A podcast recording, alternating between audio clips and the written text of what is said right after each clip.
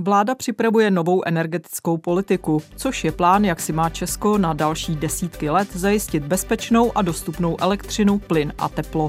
Bude ten plán splnitelný a proč se nedávno odehrál spor o nákup plynovodů státem? Naším hlavním hostem bude Jiří Feist, strategický manažer holdingu EPH miliardáře Daniela Křetínského. Příjemný poslech přeje Jana Klímová. Peníze a vliv.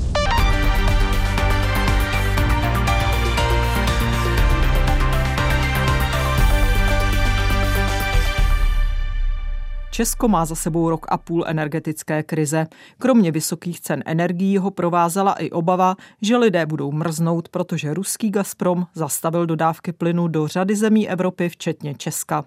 Mimořádně teplý rok a nahrazení ruského plynu dodávkami z jiných zemí, hlavně v kapalné formě, takzvaného LNG, ale pomohly situaci ustát i díky rychlému pronájmu terminálů na LNG, odkud se plyn dá dopravit k nám.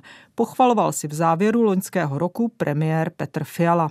Já jsem velmi hrdý na to a je to i velmi oceňováno v zahraničí, že se nám velmi rychle, řekl bych v rekordním čase, protože to bylo v řádu několika měsíců, podařilo zbavit se téměř stoprocentní závislosti na ruském plynu a dnes prakticky ruský plyn nepotřebujeme. Do problémů se nicméně kvůli zavřeným ruským kohoutům dostal majitel sítě plynovodů v Česku Netforgas. Tím, že Gazprom přestal platit za přepravu plynu přes naše území, tržby firmy klesly o 80% V ohrožení tak bylo splácení dluhopisů a úvěrů firmy za víc než 30 miliard korun. Se zahraničními majiteli Netforgas se proto loni v září dohodl stát, že od nich tuto klíčovou firmu za 3 až 5 miliard korun, ale se všemi dluhy, koupí. Za společnost Net4Gas není náhrada. Jestli chceme do České republiky dovážet plyn, bude to mít na starosti právě ona. Stabilita této firmy je podmínkou stability energetické bezpečnosti České republiky a naopak. Vysvětlil tehdy ministr průmyslu a obchodu Josef Síkela. Později se ještě ukázalo, že stát také za bývalé akcionáře vrátí do Netforgas dividendu za další skoro 3 miliardy korun. Už předtím si koupil stát také podzemní zásobníky plynu, které delší dobu prodávala německá RVE, a to za 8,6 miliardy korun. Kvůli nákupům v plynárenství se ministr průmyslu a obchodu Josef Síkela dostal do sporu s holdingem EPH miliardáře Daniela Křetínského, který měl o plynovody i zásobníky také zájem. Některá křetínského média, třeba Blesk, nákupy státu kritizovala na titulních stránkách jako nevýhodné a Síkela pak Křetínského a jeho metody popsal jako zneužívání médií, třeba na stránkách vlivného ekonomického listu Financial Times nebo v české televizi. Blesk nečtu. Samozřejmě, že mi různí známí pak posílají a zjistil jsem, že jsem na titulce Blesku častěji než Agáta Hanichová. A já jsem samozřejmě rád, že i bulvární média věnují takovouto pozornost ekonomickým transakcím. To samozřejmě i nám umožní celou tu záležitost do určité míry spopularizovat. Řekl Síkala. EPH ale zneužívání médií pro své cíle v energetice odmítl. Plyn, byť jde o fosilní palivo, kdy při pálení vznikají emise CO2, bude každopádně v příštích 20 letech důležitý. Nahradit má uhlí, a to do doby, než se postaví jaderné elektrárny, bude dost zeleného vodíku nebo se dořeší skladování obnovitelné energie. Peníze a vliv. Jak to bylo se sporem kolem Netforgas a co jsou hlavní slabá místa připravované energetické koncepce? Zeptám se na to Jiřího Fajsta, strategického manažera holdingu EPH Daniela Křetínského. V minulosti byl Jiří Fajst také strategem polostátního Česu a také státní přenosové soustavy ČEPS. Dobrý den. Začnu takovou jednoduchou otázkou. Mají energetické koncepce vlády, které může vlastně každý další kabinet změnit, dělají se přitom třeba na 25 let. Vůbec nějaký smysl? Kolik jste jich zažil třeba vy osobně a kolik z nich se naplnilo? Tak už jsem jich pár zažil za těch 35 let v energetice. Určitě mají smysl, měli by se dělat, vždycky bychom měli vědět, kam chceme jít, kam míříme a za jakých podmínek. Druhá otázka je, že celá energetika se neobyčejně zrychlila. To znamená, dneska dělat koncepci na 20-30 let je spíš vizionářství než něco praktického. Ale myslím, že ta poslední, kterou jsme měli někdy od roku 2016, byla dobře udělaná, reagovala na tu situaci na trhu a dala dokonce i nástroje pro její řízení, které nebyly plnohodnotně využívány. No a změnilo se podle vás něco od toho roku 2000? Myslím, že vznikla 2015. Ta, Nebo ta, 15, ta, ta současné platnosti má být teda platná až do roku 2040. Teď se dělá její aktualizace. Naplňuje se podle vás něco? Já myslím, že ona byla postavená na takovém principu určitých koridorů, mezi kterými se dalo přepínat. A myslím si, že jsme zamířili více do toho koridoru decentrální energetiky, větší implementace obnovitelných zdrojů, větší odpovědnost na zákazníka, třeba i prostřednictvím komunitní energetiky a na to je potřeba reagovat a je potřeba to upravit a přepracovat. Hmm. A druhý takový fenomén, který do toho vstoupil, je samozřejmě Evropa se svými národními klimatickými plány, které každý stát předkládá. My jsme zrovna v procesu schvalování druhé verze, druhého klimatického plánu a ten bude mít zásadní dopad na celou transformaci energetiky.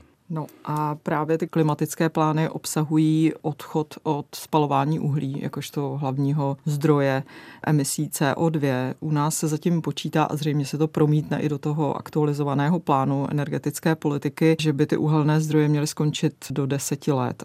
Velcí výrobci elektřiny nebo tepla z uhlí, jako je ČES nebo Seven, ale už avizují, že to může být i dřív, protože se jim provoz právě kvůli povolenkám CO2, které se v minulosti dost zdražovaly, nevyplatí. Váš holding EPH provozuje v Česku také několik uhelných zdrojů kogenerace tepla, elektřiny v Opatovicích, v Plzni, v Komořanech. Jaké tedy vy máte plány?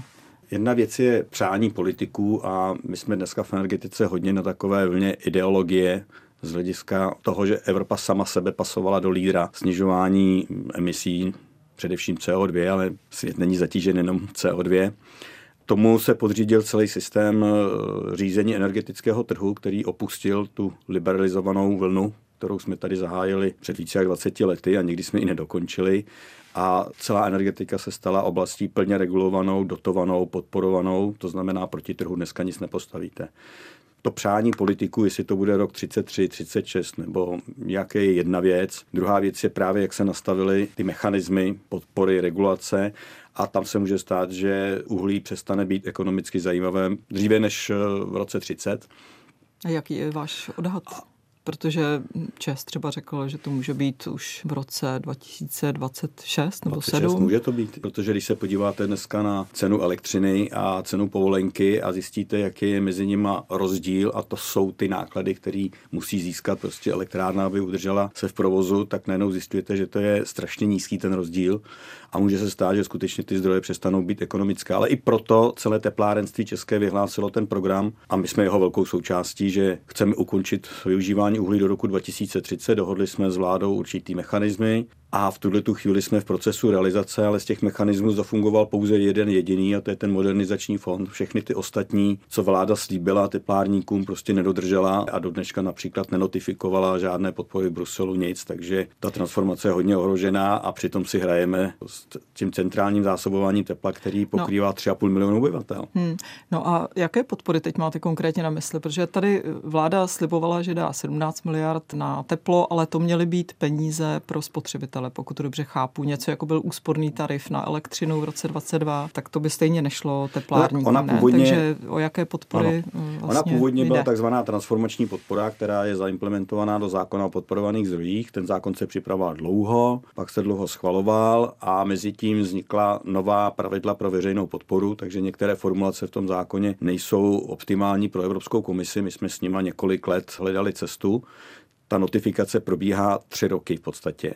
Takže o tu transformační podporu jsme díky tomu laxnímu přístupu státu přišli a jako hmm. náhrada se hledala ta podpora, která měla proběhnout v letošním a příštím roce a vždycky ta podpora míří k tomu koncovému zákazníkovi i z toho důvodu, že teplo už je dneska komodita a de facto soutěžíme s ostatními zdroji, de facto jsme narovnávali distorzi, která je na trhu. Hmm. Tím, že ta podpora nebyla dodána tomu centrálnímu systému zásobování tepla a přišlo se o 17 miliard, což jsou velké peníze, tak tím krokem vláda jenom prohloubila distorzi na trhu. A přitom je to jedna z mála podpor, kterou se podařilo i v tom Bruselu notifikovat. Byly hotové výzvy, všechno bylo připravené a bez komunikace a vysvětlení pořádného to vláda prostě zrušila. Co tady bude dál, protože jestli říkáte, že do roku 2030 to chcete vyřešit, eh, tak co to uhlí nahradí, aby to teplo zůstalo? Pořád jsme v procesu notifikace podpory takzvaného velkého kvetu, což je kombinovaná výroba elektřiny a tepla, kde následně by se ta podpora měla aukcionovat a ten, kdo dá nejlepší nabídku, hmm. tak získá tu podporu a to je jeden z těch stavebních kamenů, který by se měl zrealizovat. Mělo to být notifikováno už loni. Teď nám ministerstvo přislíbilo, že to bude notifikovat v nejkratší možné době, tak uvidíme. Ta náhrada se potom odehrává v tuto chvíli do třech oblastí zdrojů. Samozřejmě nosný médium bude plyn, bude tam určitě biomasa a částečné využití i komunálního odpadu. Hmm. A samozřejmě začnou vstupovat do hry další, jako jsou obnovitelné zdroje a tepelná čerpadla. Jste si jistý, že se během tedy těch pár let, které nám zbývají do té doby, než bude nevýhodné spalovat uhlí, že se podaří třeba postavit v Česku dostatek plynových elektráren? Stát mluví o tom, že se urychlí jejich povolování, ale myslím, že je to i další komplikace, že to prostě zatím ekonomicky nevychází. Většina okolních států to podporuje tak, eh, že zavedla určité kapacitní platby, tedy že ty provozovatelé dostanou platbu za to, že tu elektrárnu mají a jsou schopní ji kdykoliv, kdy bude potřeba, kdy stoupne třeba spotřeba na trhu, tak oni ji vlastně nasadí do té soustavy. Tyto kapacitní platby u nás pořád nejsou, takže jsou proto podmínky, aby se dalo vlastně rychle o to uhlí přejít na plyn? Dnes proti trhu už nepostavíte v Evropě v podstatě žádný zdroj. Všechno je to založené na systému podpor, různých dotací a samozřejmě priorit těch států. Většina států kolem nás si již dnes ty kapacitní mechanismy s Evropskou komisí domluvila. Ten proces trvá několik let, někde to bylo i dva, tři roky. A samozřejmě Česká republika tady ten čas trošičku promarnila a dneska nemá instrumenty, kterými by to byla schopná udělat. Proto se hovoří o zavedení těch dalších mechanismů, jako jsou kontrakty for difference, kde se platí ta rozdílová cena očekávaná proti tržní. Pokud je chceme poměrně rychle postavit, tak eh, je poslední šance nějakým způsobem projednat s komisí kapacitní mechanismus nebo kapacitní platbu pro Českou republiku. No a druhá věc, která do toho stoupí, jsou dodavatelské kapacity, protože dneska staví všichni v Evropě, nestavilo se 20 let v podstatě, takže ty dodavatelské kapacity jsou taky limitované. A když se podíváme do Německa, které chce stavět 25-20 gigawatt, hmm. což je víc jak instalovaný výkon v České republice, v plynu, tak, jo? plynu, tak, pardon, v plynu, tak ty dodavatelské kapacity taky nejsou. Dneska už mm. čekáte na objednání takzvaného slotu pro dodávku třeba turbíny i dva mm. roky. Takže no a čím to je, že jsme ve všem pozadu? Tedy máme méně schopné vlády než okolní země? Dobrá otázka. Já si myslím, že to je vždycky otázka priorita vyjednavacích týmů. Podívejme se třeba do Polska, který leta bylo uzavřený a sestavili poměrně silný vyjednavací tým, který měl jak politickou, tak tu odbornou znalost a dokázali si projednat eh, hodně věcí a teď tím probíhá transformace energetiky, hmm. kterou jim můžeme trošku závidět. Uvidíme, jak to dopadne samozřejmě, ale tým, jsou na trajektorii. Dream Team jsme neměli. Já si myslím, že jsme ho neměli a myslím si, že to chybí České republice. Hmm. To propojení mezi tou podnikatelskou sférou a tou politickou a mít ten silný drive směrem k Bruselu a skutečně si dojednat své věci, tak si myslím, že Česká republika pokulhává. Hmm. Když ještě zůstanu u toho plynu, na tom trhu s plynem se situace úplně změnila po napadení Ukrajiny Ruskem. Rusko na konci roku 2022 zastavilo dodávky i tranzit přes Česko, přes české plynovody dál do Evropy. Ruský plyn pak nahradili dodávky LNG z jiných zemí, také z Norska samozřejmě potrubním plynem. Podle ministra průmyslu a obchodu Josefa Síkely se od nás Evropa dokonce chce učit, jak jsme se rychle zbavili závislosti na ruském plynu. Jak se na to díváte jako manažer firmy, která působí i v mnoha jiných zemích Evropy právě v energetice, i v té části infrastruktury? Byli jsme v tom opravdu výjimeční, jak jsme se dokázali zbavit ruského plynu? Já si myslím, že celý ten proces od toho roku 22 byla vzájemná edukace, jak na úrovni vyjednávání politiků a států, tak i na úrovni energetik. Jedna věc tam byla úplně signifikantní a to ta, že v okamžiku krize každý ten stát především přemýšlí o vlastní bezpečnosti a je to jeho top priorita a hledá cesty.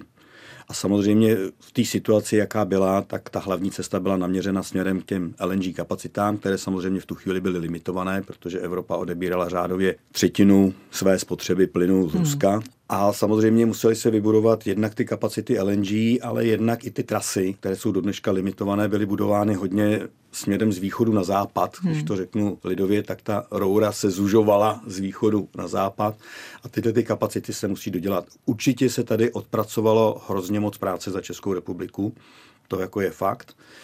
A nejenom z hlediska získání plynu, ale i ty politiky z hlediska šetření a úspor. Hmm. Ale samozřejmě ten proces nekončí a je potřeba s tím dál pracovat. Naším hostem je strategický manažer holdingu EPH Jiří Feist. Posloucháte pořad Peníze a vliv. Kdo vydělává a kdo chudne? Zasvěcený pohled analytičky Českého rozhlasu Jany Klímové a jejich hostů. Najdete ho také na webu plus.rozhlas.cz, v aplikaci Můj rozhlas a v dalších podcastových aplikacích. To zastavení přepravy ruského plynu do Evropy způsobilo problémy národnímu přepravci plynu v Česku Net4Gas od soukromých akcionářů, kteří ho vlastnili. Si ho nakonec loni na podzim odkoupil stát, stejně jako předtím zásobníky plynu. Váš holding EPH to hodně kritizoval. Zdůvodnění ministra Síkely, že jde o energetickou bezpečnost země, jste nakonec v tiskové zprávě označili za smyšlené. Nešlo ve skutečnosti hlavně o obchodní boj, protože zásobníky i plynovody chtělo koupit právě EPH Daniela Křetínského. My jsme usilovali o obě aktiva. Otázku těch zásobníků jsme nijak nerozporovali ani z hlediska ekonomického modelu, za který to stát nakonec pořídil. Ten byl velice blízký těm našim hodnotám.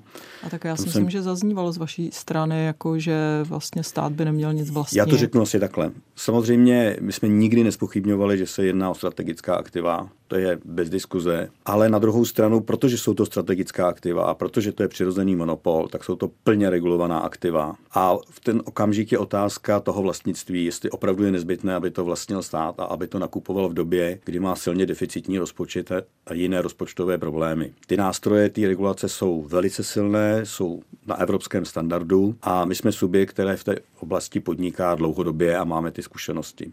To, co my jsme kritizovali a to, co nás trošku mrzelo, že se následně přetočilo do určité osobní úrovně, byl způsob realizace té transakce a za jakých nákladů. Protože a teď už mluvíme o Netforgazu. Teď už bavíme tedy. o Netforgazu.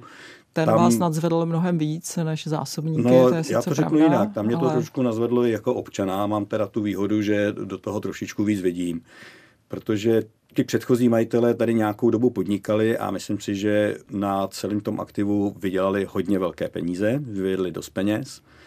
Měli určitou strategii a politiku zadlužení té společnosti a dividendové politiky. A strašně nás mrzelo, že tato skutečnost se vůbec nerespektovala. Ty, ty hráči se dostali ze hry. Ty původní majitelé odcházeli šťastní, banky, které napůjčily peníze a věděli, že s těma dluhopisama budou veliké problémy, odcházejí s celým tím svým balíkem peněz zpátky. A to, že jsme a měli to pravdu... Zatím ale, to zatím ale nevíte, ne? Tak, no tak ano, to, takhle tak to bylo i zveřejněné. Netforgas stát eh, de facto převzal odpovědnost, stát převzal odpovědnost za ty dluhopisy, hmm. které v době transakce měly výrazný pokles ve své hodnotě a samozřejmě tím, že stát převzal ty záruky, tak z nich udělal v podstatě státní dluhopis s garancí. A to, že jsme argumentovali správně, se projevilo i v novém cenovém rozhodnutí regulátora, který podle mě naprosto rezignoval na ochranu koncového zákazníka a de facto naplňoval státní politiku. To znamená, že poplatky teď, za plyn se nám neobyčejně zvýšily. Mm-hmm. Ale v té koncové ceně je to asi 1%. Ale, no ale to není 1%, to je prostě ta hra která se tady odehrávala, která nás zavádí do toho, podívejte se, teď jako stálo to 100, tak teď to bude stát 105. Teď jenom říkám hmm. ale tady jde přece o ten princip toho nastavení, že jsme zvedli celou tu laťku dlouhodobě, hmm. ale úplně zbytečně. Pořád máme jedny z nejdražších energií a náš průmysl ztrácí konkurenceschopnost. A přesně ta výše, o kterou byly zvýšeny ty poplatky, koresponduje, řekl bych, i s tou dluhovou kapacitou nebo tím to, co tam je v tom networkazu. Mm-hmm. A vy a si myslíte, tady že, neproběhla... za to, že za to může stát, že to koupil stát, protože když by to tedy nekoupil stát a zůstalo to v rukou těch soukromých akcionářů, tak oni argumentovali, že oni za to nemůžou, že jim Gazprom prostě zrušil dlouhodobou smlouvu, že jim klesly tržby o 80% z měsíce na měsíc, kdy to oni nemohli předpokládat, tak myslíte si, že by regulátor v jiné zemi nějak nepomohl překlenout tady to období, protože tam se to počítá podle výnosnosti aktiv? Samozřejmě, ale každá regulace má regulační periodu, která je nastavená na pět let. V rámci té regulační periody v České republice existoval tzv. alokační vzoreček, který rozděloval ty výnosy stojí domácí platby za využití plynovodu a z těch tranzitů. A na ty tranzity už v té době byl dán vyšší rizikový faktor.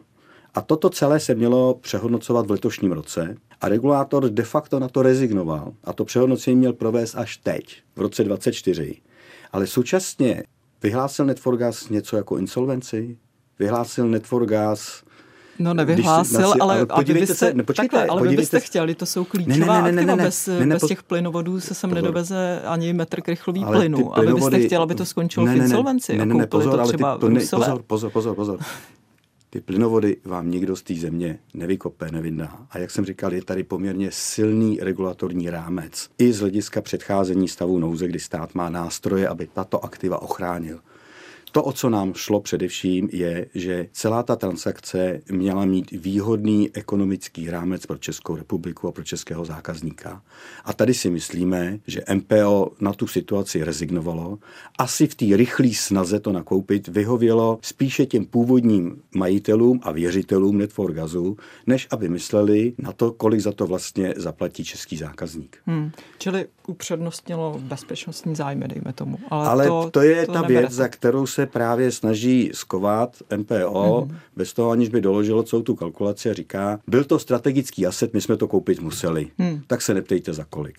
A to je špatně a na to my jsme poukazovali, že by se měly odkrýt ty karty, mm-hmm. za jakých podmínek de facto se ta transakce nakoupila. Mm-hmm. Protože i to reportování o tom bylo takové postupné, kdy se odkrývalo kolik za co. A například já nerozumím tomu, že pokud ten subjekt je v takové situaci, v jaké byl, jak jste to popsala, tak si vyplatil zálohu na dividendu, o té se původně vůbec nehovořilo. Hmm a vlastně český stát jim tu zálohu zpátky zaplatí, když hmm. oni to tam měli sami vrátit. Měli, no, ale oni si ji vyplatili už v roce 2021. Oni si to ještě, zálohu. No to ještě ale, ale nemohli vědět, že ale co se stane v roce, na konci roku 2022. jiné prostředky, jako rozumíte, ale šlo jasně, o to, rozumím, o tu, jo, ano, ne, my stát řekl, že za ně tu zálohu tam vrátí, ale že už to vrátí do své firmy, dejme tomu, no, jasně. Ale to platíme pořád hmm. my v poplacích. A jediný, co my jsme chtěli, pojďte odkrýt ty hmm. karty. A kdybyste to koupili vy, tak byste to vyjednali lépe, ten obchod. No naše nabídka byla v podstatě veřejná. Každý si může udělat obrázek o tom, která byla nám, zajímavější. Jenom nám připomeňte tedy, kolik. No tak my jsme v hlavním případě, my jsme v hlavním případě nechávali ve hře všechny ty účastníky, jak ty banky, tak ty původní majitele, aby se podíleli na řešení té situace. A to si myslím, že je ten klíčový moment. Hmm. Druhý ten klíčový moment byla otázka samozřejmě přístupu k řešení těch dluhopisů tam jsme měli řádovou hmm. odchylku. Tohle to si myslím, že byly ty základní momenty toho rozdílu, kdy my si myslíme, že tak, jak to stát nakoupil, že to nenakoupil prostě dobře. Hmm. To, že stát se rozhodnul vlastní strategický aktiva, je rozhodnutí státu a plný respekt. Ale vždycky je to otázka těch podmínek a těch následných dopadů. A to si myslím, že do dneška není vysvětleno. V Evropské unii se teď aktuálně debatuje o tom, jestli by se nemělo zabránit vůbec dovozu ruského plynu do Evropy, že by se na něj vztahovaly určité sankce, které teď vynechávají ruský plyn. Pokud by k něčemu takovému došlo, obejde se podle vás Evropa bez ruského plynu, protože připomenu, že vy vlastníte podíl ve slovenském EU streamu spolu se slovenským státem, tedy, kde tu závislost na přenos převozu ruského plynu, dneska asi na jich Evropy tedy hlavně, tak vy ji tam také máte. Tak jak se na to díváte? I ten LNG plyn se skládá z molekul. Ty se různým způsobem někde namíchaly a nějak se dovážejí. Takže asi těžko budeme hledat, která ta molekula je špatná, která ta molekula je ta správná. Já jsem zažil před možná už to bude 20 lety takovou krabičku, kterou vymysleli Rakušáci, která generovala podle letky diody barvičku elektronů, který k ním přichází, když to blikalo žlutě, tak to byl jaderný elektron a byl vrácen zpátky do elektrárny. Byl to výborný biznis na Vánoce. Tak já věřím, že touto cestou nechceme jít, mm. protože dneska skutečně ten LNG plyn je LNG plyn, který vy nějakým způsobem odeberete mm. A jeho konverze a trasa a podobně do Evropy mm. bude obtížně dohledatelná. Čili sankce na ruský plyn by byl nesmysl. Neumím hmm. přesně říct, jak to chtějí popsat, jak to chtějí udělat, hmm. ale říct si to tímto způsobem, že bychom dohledávali tu ruskou molekulu i v tom LNG terminálu hmm. mi přijde jako absurdní. Ještě poprosím o stručnou reakci, když jsme se bavili tady o tom zestátňování. Velkým tématem už eh, od roku 22 v podstatě je zestátnění Česu, respektive vláda mluví o nějakém zestátnění výroby, opozice mluví o zestátnění celého Česu. Jsou tam dva důvody. Jeden, o kterém mluví hlavně opozice, zlevníme tím elektřinu jako už jsme na to narazili, je pravda, že máme drahé energie v Česku.